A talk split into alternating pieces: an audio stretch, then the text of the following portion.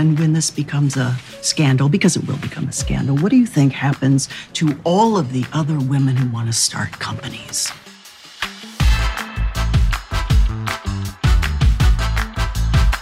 Welkom bij weer een nieuwe aflevering van De Zwevende Kijker, de podcast van de Volkskrant, waarin we elke week vertellen welke serie, film of documentaire je uit het gigantische aanbod moet kiezen, omdat hij het maatschappelijk debat gaat bepalen of omdat hij gewoon waanzinnig goed is. En vandaag gaan we het hebben over The Dropout, een achtdelige serie op Disney+.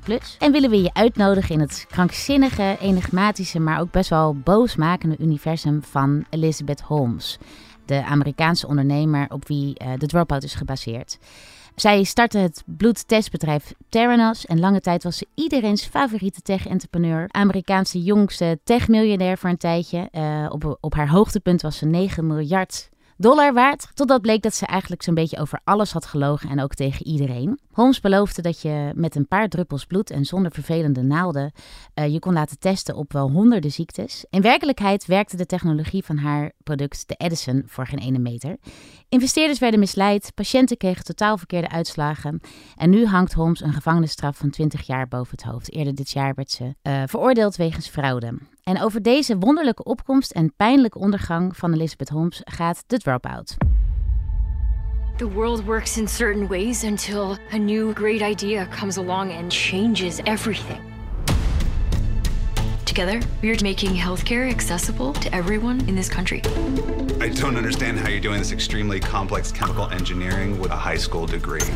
This technology is 10 years away. Your idea is impossible, So you just keep trying. Do or do not, there is no try. That's Yoda. Okay. Goed, kwakzalverij, investeerdersbedrog, eh, de duistere kanten van de start-up cultuur en seksisme in Silicon Valley. Daar gaan we het vandaag over hebben. En dat doen we met chef Vierkante Ogen Mark Moorman. Hey Esma. Hoi.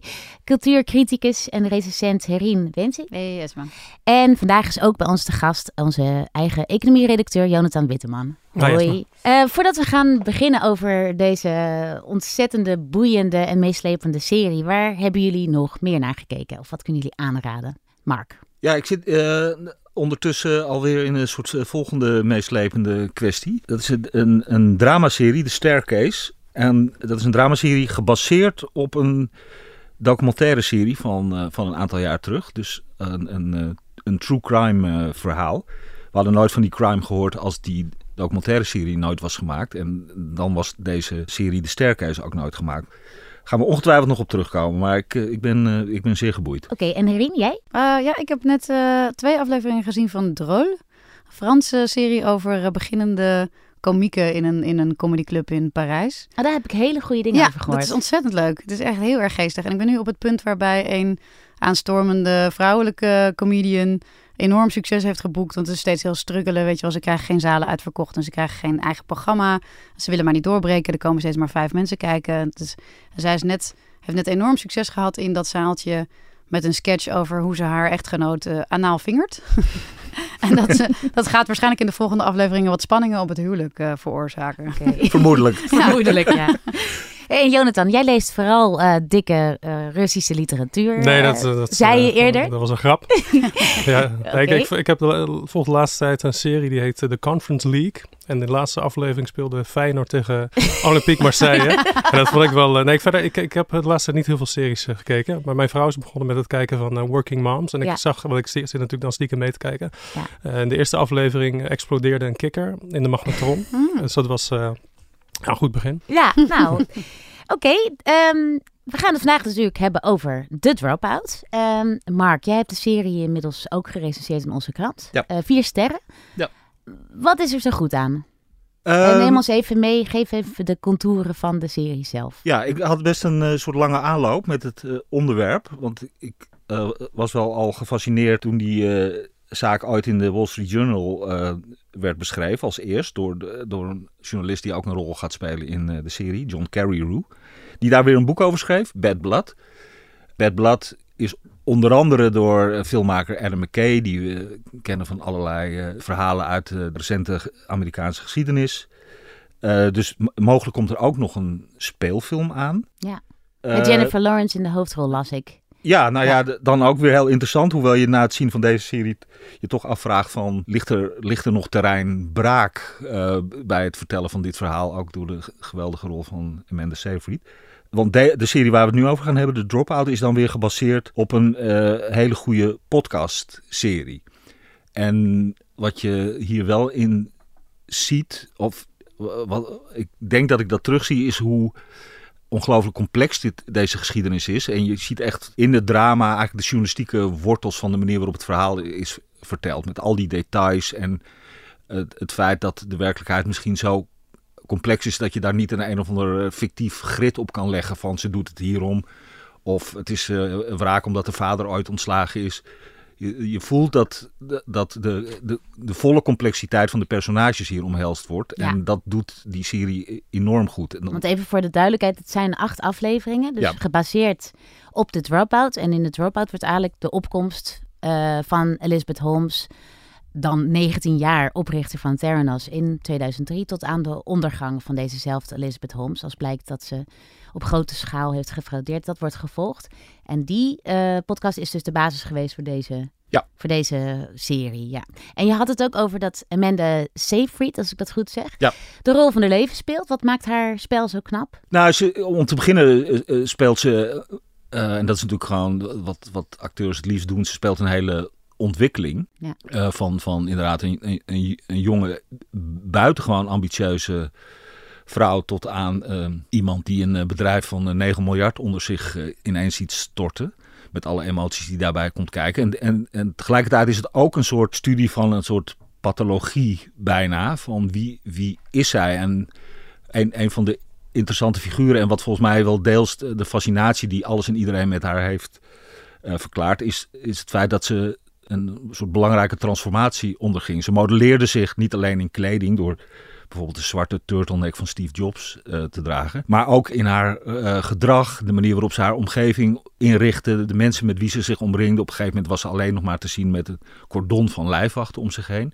Maar het, het opmerkelijkste natuurlijk, en Amanda Seyfried heeft dat wel echt, uh, doet dat echt heel goed zonder er een karikatuur van te maken, wat best knap is. op een gegeven moment gaat ze haar stem ook verlagen. Om, kennelijk om zich wat in die, in die mannenwereld die allemaal moeten investeren in het bedrijf, gewoon wat meer indruk te maken. En dat, dat Ik maakt. Heb, daar hebben we een klein stukje van.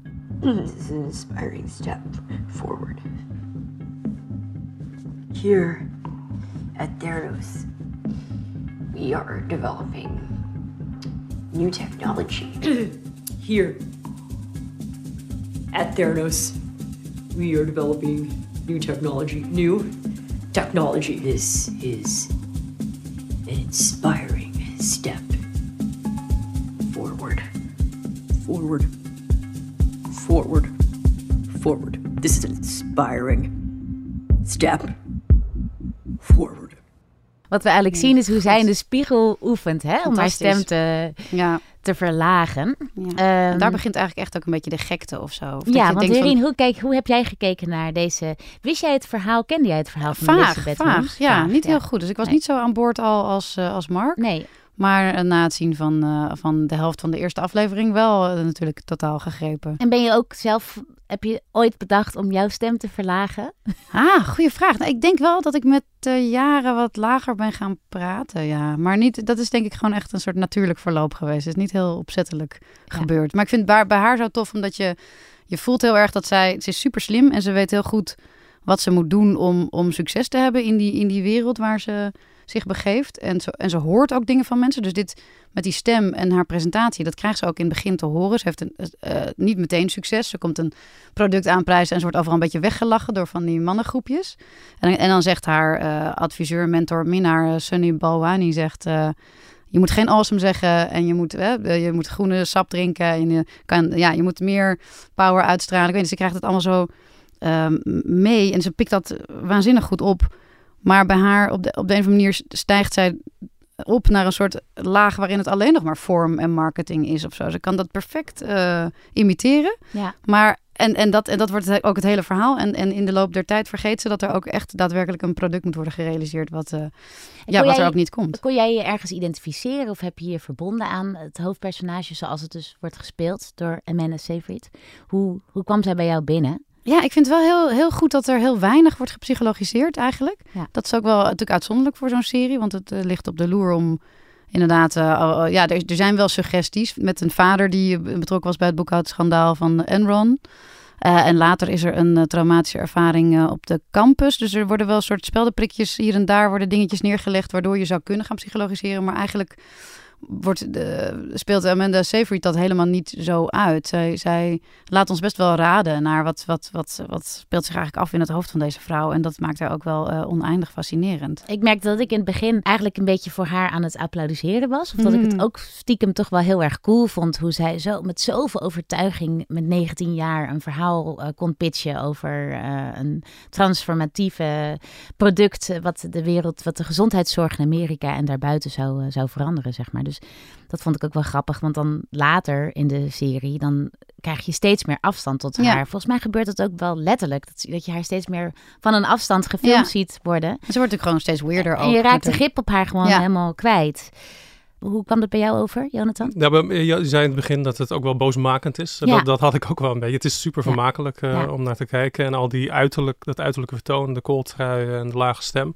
En de, de boerenkool smoothies. Ehm, maar uiteindelijk... En ze knippert ook niet meer. Dat is ook wel een belangrijk nee, detail. Ogen. Ja. ja. Ze besluit niet meer te knipperen. Maar uiteindelijk gaat het wel over iemand die mensen of patiënten enorm heeft uh, belazerd. Er waren mensen die uh, kregen als bloeduitslag dat ze HIV-positief waren, dat ze kanker hadden, dat ze op punt stonden miskraam te krijgen, dat ze de ziekte van Hashimoto hadden. Ik heb het even moeten opzoeken, maar dat is dat je schildklier langzaam naar de knoppen gaat. Ja. Uh, de, syndroom van Sjögren hadden, diabetes, mensen die um, altijd bloedverdunners slikten.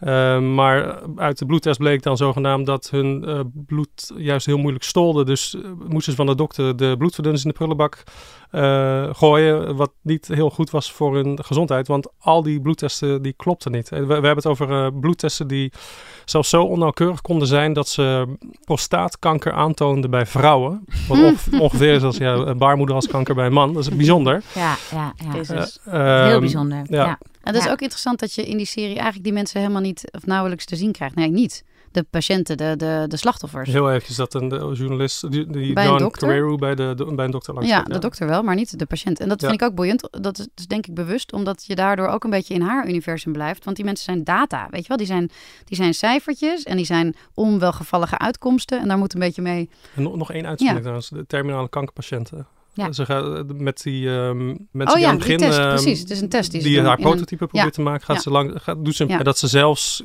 terminale kankerpatiënten als proefkonijn wil gebruiken voor een apparaat waarvan ze wist dat het niet werkte. En die mensen dachten dat ze in hun laatste levensdagen nog even een soort... Hè, voor de wetenschap en voor toekomstige kankerpatiënten nog even een belangrijke daad leveren. Maar, maar ik voel, hoopten ze wel nog steeds heel erg dat het werkte. En dat, dat duurt best wel lang. Het is niet dat zij meteen de boel flest of zo. Het is, je gaat echt pas in aflevering... maar ze wist toen wel dat het niet werkte. Ja, op dat moment. Maar er was, nog een testfase. Uh, dat, ja, zo redeneerden ze inderdaad. Ja, nou ja, voor zichzelf ook. Ja, dus ze is heel goed in zichzelf uh, voor de gek houden. Maar die, maar die medische kant speelde dan uh, bij die zaak uiteindelijk weer een ondergeschikte rol. Ja, ja dat is heel raar. Misschien niet bij de strafmaat, maar...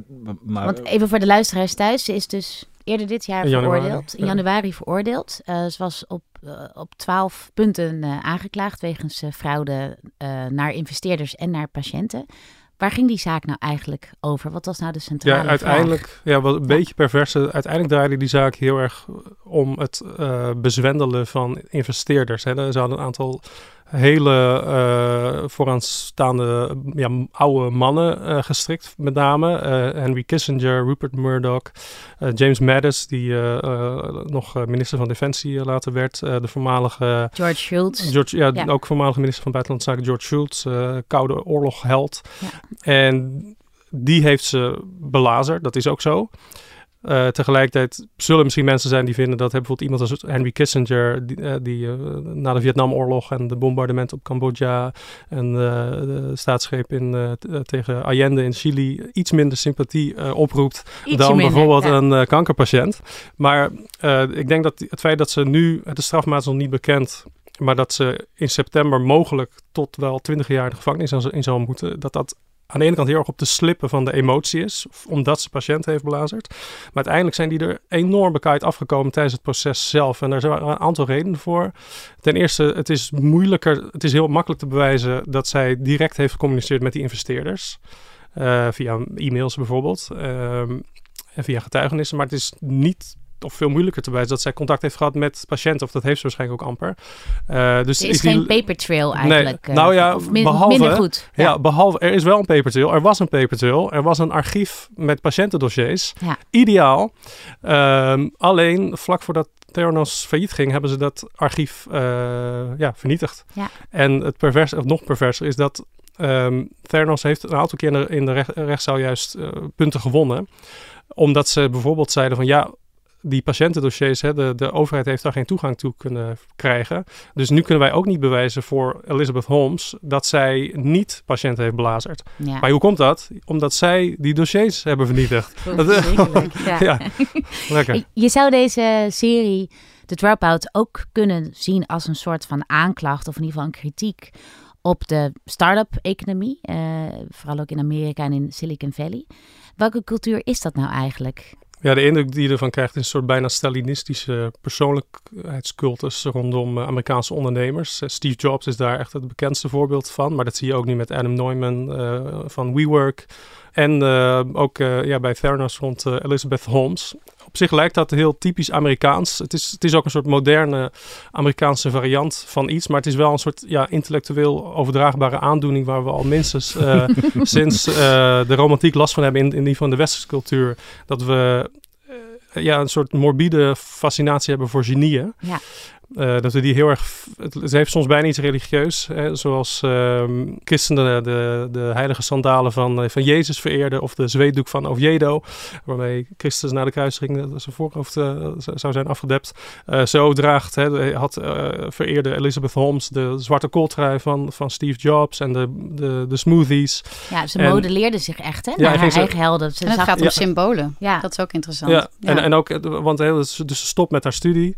Want ja, dat doen ja. ze niet. Ze gaat mensen lucraak ontslaan om niets. Ja, want ja, dat, dat doen ze niet. Het is alsof je een pad volgt. Het is een ja. soort structuur. Er ligt een soort structuur of een format klaar voor zo'n start-up. En dat begint met een briljant idee en een jonge, jonge knappe genie. En dan, en dan komen de investeerders aan boord. En dan uh, krijg je een prachtig kantoor. En, en al die tijd is dat idee in ontwikkeling. En dat is ook oké, okay, want dat weten ze allemaal. Hè? Dus dat het is er nog niet. Nee, dat is logisch. Dat wordt ook best wel vaak in de serie herhaald. Ja, Van, ja natuurlijk is het toch niet. Dat gaat altijd zo over investeren in deze vrouw en in dit idee. Ja, Alleen dat hier, is ook op, ja. tot op zekere hoogte is het ook ja. wel een beetje zo, toch, Jonathan? Hoe dat werkt uh, met ook venture capitalism. Dat je gewoon ja, heel veel geld stopt in een bedrijf wat mogelijk helemaal niet kan waarmaken wat het belooft. Nee, uh, ja, dat klopt. Ja, die schieten gewoon met hagel. Die hebben gewoon heel veel geld. En Ja. voor hen is het, ehm, ja, een miljoentje meer of minder, daar kijken ze niet op. Maar wat ik wel interessant vind aan die, eh, die ehm vereniging van genie, is dat daarin zit ook al van oudsher heel erg het idee dat sommige mensen boven de wet staan. En kijk, wij gewone stervelingen moeten ons aan het wetboek van strafrecht houden. Mhm. Uh, maar uh, Napoleon kon gerust halve volkstam over de kling jagen. Want ja, hallo, uh, die man was geniaal. Um, en uh, de filosoof Hegel zei van uh, echt machtige figuren mogen op hun pad naar grootste daden gerust heel wat onschuldige bloemetjes vertrappen. Sterker nog, dat moeten ze doen. En in onze tijd, dat komt ook in de serie naar voren, ze, heeft Mark Zuckerberg dat vertaald als move fast and break things. En dat is wat Elizabeth Holmes doet. Hè. Die vertrapt heel wat onschuldige bloemetjes. En die zaak, uh, Elizabeth Holmes, gaat uiteindelijk dus heel erg ook over van... Is het uh, doelbewust frauderen of is het make it till you, of fake it till you make it? Ja. Um, ja. Hoe kijk jij daar tegenaan? Ja, eigenlijk gaat fake it till you, till you make it, dat probeert ze inderdaad te doen, maar dat gaat eigenlijk niet op, want zij, she, she doesn't make it. Nee. Ja, het onderscheid tussen bluff en bedrog is denk ik, je kan best bluffen, uh, maar er komt een moment dat je die bluff moet inlossen, dat, je, dat die waarheid moet worden. En bij haar komt wordt, dat moment. En wordt het gat steeds groter tussen ja, ze wordt steeds schrijnender. Ja. Dus maar dat het is wel fascinerend dat je toch... Ik, ik was best wel lang echt wel mee in, in haar visie en haar droom. Ja. En ook in de banaliteiten die dat in de weg staan of zo. Want dat, dat vind ik goed gedaan aan de serie ook. Dat je ziet een soort Wetenschap. Stom... Ja, nou ja. nee, je ziet een kastje, banaal. je ziet een kastje een beetje gaan roken of zo. Er knettert iets door de Mm. kortsluiting, weet je wel. Dat lijkt zo'n klein probleem. En dan, en dan heeft die vrouw, weet je wel, die wil de wereld veranderen. Die wil mensen levens redden. Die wil, uh, die wil een, nou ja, de, de belangrijkste uitvinding sinds de, noem eens wat. Ik vind het wel grappig uh, om te merken dat hier aan tafel de meningen. Tenminste, ik voel een verschil in Ja. sympathie. Ik heb het idee, Jonathan, dat jij toch echt wel Nou ja, ja, kijk, ik boos vind- op haar bent. Gewoon dat je, Ja, jij wil dat opstoken, hè? Nee, nee, eh, ik snap wel, het, het is ook een schitterend idee. je woede, ja. Maar ik, nee, ik vind, eh, ja, noem eens wat, in de 19e eeuw waren kwakzalvers die Ja. eh, berenvet eh, aanbevolen om kaalheid tegen te gaan. Ja, soort, maar die wisten dat. Maar zij, zij gelooft echt in haar Ja, plan. En pas waar. in aflevering 5 wordt het echt zwendel. Ja. Want dan gaan ze die Siemens-machines gebruiken. En al die tijd denkt zij, ja, maar dit is tijdelijk, want we komen daar wel. Dit is een detail. Er komt nog wat rook uit de machine, maar ik los het op. Maar, maar Ja, maar- nou, teg- tegelijkertijd wordt, eh, stuurt die serie ook wel een beetje aan op de pathologische trekjes die Tuurlijk, het heeft. is Namelijk zelfbedrog. Het, ja, het feit dat zij daar heel goed in is. Hè, je ziet er een paar Ja. keer, als er iets confronterends aankomt, dat ze zich letterlijk verstopt. Ja. Dan gaat ze onder de bureau zitten, Ja. echt. Dus niet alleen maar in haar hoofd. En dat is natuurlijk iets wat, wat naarmate de spanning oploopt. En, en dat is een soort serie waar je met een soort kl- klamme zweet naar zit te kijken. Omdat je de hele tijd maar weet dat ze iets aan het verkopen en Ja. verdedigen is wat, wat er gewoon niet is. Maar zij moet steeds meer van die beschermende lagen eh, bouwen. En, dat, en dat, die, in die ansenering, dat doen ze echt heel erg goed. Ja. Want hè, wat, wat Esma al zei, van ze wordt van meer op afstand gefilmd op een gegeven moment. Ze, ze wordt... eh, ze wordt steeds om, eh, omringd door steeds meer lijfwachten. Dat is ook, ook een... Mooi beeld ook. Beetje Reservoir Dogs. eh, Ja. Reservoir Dogs beeld of zo. Allemaal mensen in pakken met Ja. zonnebrillen. Ziet er en, heel cool en, uit. En dat kantoor, wat eerst een soort, eh, weet je wel, eh, ha- happy eh, tech Ja. omgeving is, wordt steeds meer een plek van met, met, met heel veel beveiligers. Ja. Je mag niet meer van de ene naar de andere afdeling. De- de- en, en, en in de laatste delen ons, is, is er een groot plotpunt over een, een geheim laboratorium. Waar het allemaal gebeurt, waar niemand toegang toe heeft. Ook omdat er niks gebeurt, blijkt dan. Of Mhm. omdat daar die machines van Siemens eh, staan. Ja. Maar je ziet, je ziet dus, dus dat ook in de manier waarop ze haar, haar het leven en het kantoor inrichten. Dat je, eh, daar, daar zie je ook iets van het, van het immense zelfbedrog wat Ja. hier plaatsvond. Maar dus Of jouw dat- mening is ook wel dat het een psychopaat is. Eh, Ja, maar zelfbedrog Nou ja. is niet opzettelijk. Hè? Ik bedoel, dat vind ik interessant Nou. Ja. Ja, Ja, dat is, ja. ja, je kan het, het is de een afwijking anders, misschien, eh, maar over. nee, Ja. ze, is natuurlijk, ze heeft natuurlijk een hele fascinerende geest. En het is zeker geen goed iemand. En ik zou haar ook nooit verdedigen. En dat is allemaal, allemaal echt heel Nou ja, ik vond het. Ik vind ook wat, wat jij net zei, Jonathan, toen we het hadden over fake it till you make it. She didn't make it. Wat, wat mij verbluft en wat mij ook steeds meer heftig gaat tegenstaan, is hoe weinig geïnteresseerd ze eigenlijk is in het product zelf. Wat ze verkoopt. Mhm. Ze, ze komt steeds meer op de marketing en op het binnenhalen Ja. van geld. En daarin onderscheidt ze zich volgens mij ook wel een beetje van iemand als Steve Jobs, die weliswaar o- ook niet eh, alle technologische eh, input kon geven, niet, niet alles wist over zijn eigen product, maar die zat er bovenop volgens mij de hele tijd. Ja, ze zegt ja, moment met de ontwerpen zeker. eh, Ja. ja. eh, ja. Nee, ze verliest zich helemaal in het uiterlijke, in het, in het, ehm, in het ja, bijna de paraphernalia van de roem, van Ja. het genie zijn. Ja. Zonder, ja, wat je al zei, eh, zonder aan de inhoud te denken, aan gewoon dat, dat stomme Maar kastje dat vind ik wel, dus wel fascinerend. Dat, dat, het, dat het wel een format is wat ze imiteert. En tot op zekere hoogte eh, doet iedereen het zo. Ja. Alleen inderdaad, er is één klein detail. Namelijk meestal is er uiteindelijk wel een product dat werkt, als het goed is. En dat... En dat Nou, er is ook hier- een ander klein detail, dat het over gezondheidszorg Ja, dat, gaat. ja, precies. Want kijk, als ze nou een, een levensveranderend tosti-apparaat had geïntroduceerd, Ja, ja, ja. of een sapcentrifuge, Ja. hadden, hadden we toch net wat minder boos geweest. Dan had ze ook, ik denk dat ze dan, eh, ja, dan ze, weet niet of ze dan nu zo eh, voor de rechtszaal door het slijk zou zijn gehaald. eh. En ondertussen zie je dus in die serie hoe ze bewierookt wordt door ons soort mensen ook, journalisten, eh, maar ook allerlei eh, eh, mensen die in het bestuur komen. En nou ja, voor mij een persoonlijk dieptepunt is als de befaamde documentairemaker Errol Morris eh, ook een documentaire over haar eh, gaat maken. En daar hebben we een klein fragment, ook omdat het wel leuk is om even te horen hoe ze in het echt klinkt. What is wrong with modern medicine?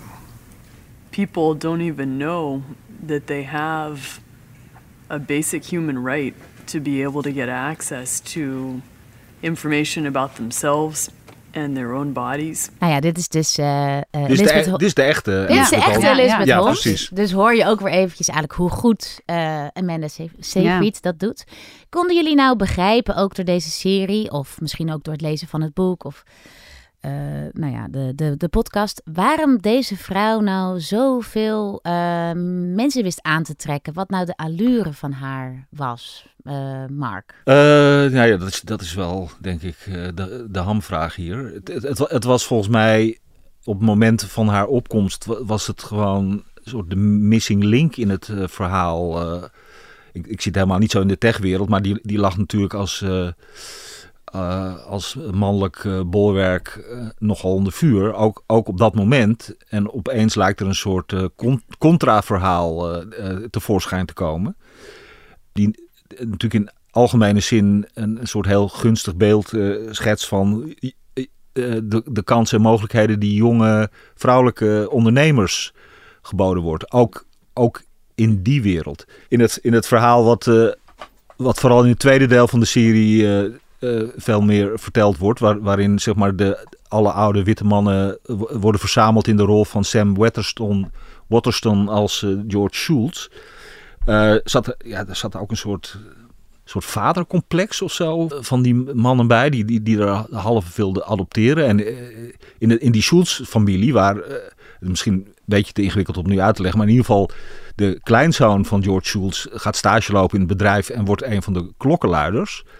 En tot op het laatste moment uh, koos zijn, zijn uh, grootvader eigenlijk voor Elizabeth en, en niet voor zijn eigen kleinzoon. Ja, want die serie heeft eigenlijk ook wel als thema gender, of eigenlijk de rol van vrouwen in deze tech-industrie in Silicon Valley. En ja, Herien, hoe, hoe vond jij dat dat thema werd uitgewerkt? Wat viel jij daarin op? Ja, het is heel interessant omdat het uh, uh, best verwarrend is of zo als, als feminist. om naar te kijken. Omdat je inderdaad ook wel. Uh, het is best bijzonder wat ze daar presteert. En, en, en het is best. Wat ik overtuigend in beeld gebracht vind, is ook jong, geniaal, goed uitziend, briljant meisje. Wat, wat zoiets begint op de negentiende. Al die, al die oudere mannen, dus één aflevering heet geloof ik Old White Men of zo. Al die mannen willen daarbij zijn, ook omdat ze niet uh, oud willen zijn en het niet willen missen. Weet je wel, nu eindelijk willen aanhaken. Zij is ook een soort uithangbord voor hun goede bedoelingen. Want ze kunnen ook op een soort feministische trein springen hier. Dus het loopt zo in die serie ook, uh, wordt zij steeds meer een feministisch icoon. En ze wordt enorm op het schild gehezen. En, en staat op de covers van alle bladen. En uh, belangrijkste vrouw van de eeuw of zo. Dus het is, uh, ze wordt tot een soort symbool gemaakt. En, en dat is een, heel begrijpelijke, maar ook heel erg ehm, schadelijke, schadelijk mechanisme. Omdat, omdat ze dat niet waar kan maken. Misschien heeft het ook wel ertoe geleid dat ze niet kon stoppen. Weet je wel, zoveel verwachtingen, zoveel uh, verantwoordelijkheid. Er komt een hashtag met, weet ik veel, Iron Sisters. Dus het gaat alles maar over het glazen plafond. En kijk, je kan het doorbreken. Ze heeft heel veel van dat soort speeches. Dus ze wordt ook een soort rolmodel. Of in, in die functie gedwongen. Ja. En aan de andere kant zie je dat als het misgaat, dat het, dat het ook, weet je wel, dat, dat, dat er ook uh, kritiek komt van, kijk, nu heeft zij het verpest voor alle vrouwen. En dat is dan weer, dus ze heeft aan de ene kant, uh, profiteert ze misschien van een soort feministische golf, of willen we dat allemaal heel graag in haar zien? En aan de andere kant uh, um, zijn er nu, zijn, hebben vrouwen nog steeds moeite met, met financiers vinden in Silicon Valley. En was er, dat staat dan in een soort nawoord bij de serie, was er zelfs een vrouw, een vrouwelijke ondernemer die het advies had gekregen om haar haar te verven, zodat ze minder op Elizabeth Holmes zou lijken. Dus nu, als een vrouw nu iets wil, dan denken we allemaal meteen aan Elizabeth Holmes, wat, waar dat natuurlijk bij mannen nooit gebeurt. Dus het is een heel, ja, het schetst ook een soort complex beeld van, van uh, hoe je nou om moet gaan met dit soort, uh, ja, op zich oprechte feministische uh, tendensen. Er zijn daarna ook best wel veel opiniestukken en essays verschenen over dit onderwerp. Van is Elizabeth Holmes nou een product van seksisme? Uh, of bestendigt ze juist de, de, de, de slechte positie van vrouwen in Silicon Valley met haar wangedrag? En hoe moeten we ook naar deze rechtszaak kijken? Want er gaan dus ook stemmen op die zeggen van ja, ook deze rechtszaak heeft een vorm van seksisme, draagt die in zich. Want andere techgiganten die uh, hebben gefraudeerd en met mensenlevens hebben gespeeld, denk bijvoorbeeld aan Facebook en de rol die Facebook heeft gespeeld in de genocide in Myanmar, die worden niet strafrechtelijk uh, vervolgd. Maar wat vind jij van het argument, uh, Jonathan, of dat idee dat zij ook onterecht hard wordt aangepakt omdat ze een vrouw is? Ja, twee uh, verschillende dingen. Aan de ene kant nee, want ze heeft echt wel iets heel fout gedaan. Uh, gewoon als je mensen, uh, als je zo speelt met, met ja, de gezondheid van mensen, dat is, als, als zij een man was geweest, kan me niet voorstellen dat ze dan anders, maar goed, ja, wat weet ik er nou van? Ik ben een man. maar ik, ik, hoop dat zij dan niet anders, of hij dan niet anders zou zijn behandeld. Het is wel zo, kijk, dit is een voorbeeld van, ja, de toch wel ja, wel echt heel asociale kanten van de economie, of in ieder geval van, van de Amerikaanse, of tenminste van, we zijn, wij zijn haar beter, maar in ieder geval van Silicon Valley. Als je ziet hoe uh, Uber bijvoorbeeld verantwoordelijkheid ontduikt bij verkeersongelukken, hoe Facebook onze privacy en de uitverkoop doet, hoe Amazon groot is geworden. Daar, is dit, daar, daar past dit helemaal in. Alleen wat zij dan doet, ik denk omdat het ook op het vlak van gezondheid is, dan ja, zij wordt dan wel veroordeeld. Ja. Met heel veel moeite. Maar de, de hufterdaden van heel veel andere uh, mannelijke Silicon Valley types niet. Want we vinden het dus eigenlijk heel lekker om deze mensen ten val te zien komen. Of in ieder geval heel fascinerend. Maar Jonathan, misschien moeten wij ook onszelf wat meer in de spiegel kijken. Want wij hebben deze mensen natuurlijk ook op het schild gehezen. Ja, wij allemaal. Ja. nou ja, wel, ja, wel een beetje. Ja, kijk, ja, het is alleen eh, in haar geval, zij maakt het ongelooflijk moeilijk om haar te beoordelen. Zelfs voor overheidsinstanties, zelfs voor haar eigen investeerders. Als je ziet in welke bochten ze zich wrong om maar te voorkomen dat Walgreens, eh, de drogisterijketen waar haar producten zouden komen te staan, eh, die, die graag toegang tot haar laboratorium hebben. Wat redelijk, ja, een vrij redelijke eis is. Van hoe, ma hoe maak je je product nou? Maar dat uh, ze op de meest, meest inventieve manieren wist ze dat steeds onmogelijk te maken het is ook wel heel moeilijk om, om aan te tonen. Dus ja, wat is, wat is de les? Ja, sowieso de les uh, voor journalisten is mensen niet te snel op het schild hijsen. Ja. Um, en if it's too good to be true, dan is het waarschijnlijk ook gewoon uh, ja, niet waar. Maar dat kan je niet zomaar opschrijven. Nee, je moet het wel daar moet je bewijzen. bewijs voor hebben. Ja. Goed, uh, de Dropout. Uh, ga die vooral zien. Uh, achtdelig op Disney+. Plus. Dit was de Zwevende Kijker. Dank voor het luisteren. Hartelijk dank ook aan Jonathan Witteman dat je bij ons wilde zijn en Erin Mensing. Techniek en montage van deze podcast worden gedaan door Timon Hageman. Eindredactie door Carine van Duin. En wil je op de hoogte blijven van al onze podcasts? Meld je dan aan voor de podcast nieuwsbrief via het linkje in de show notes.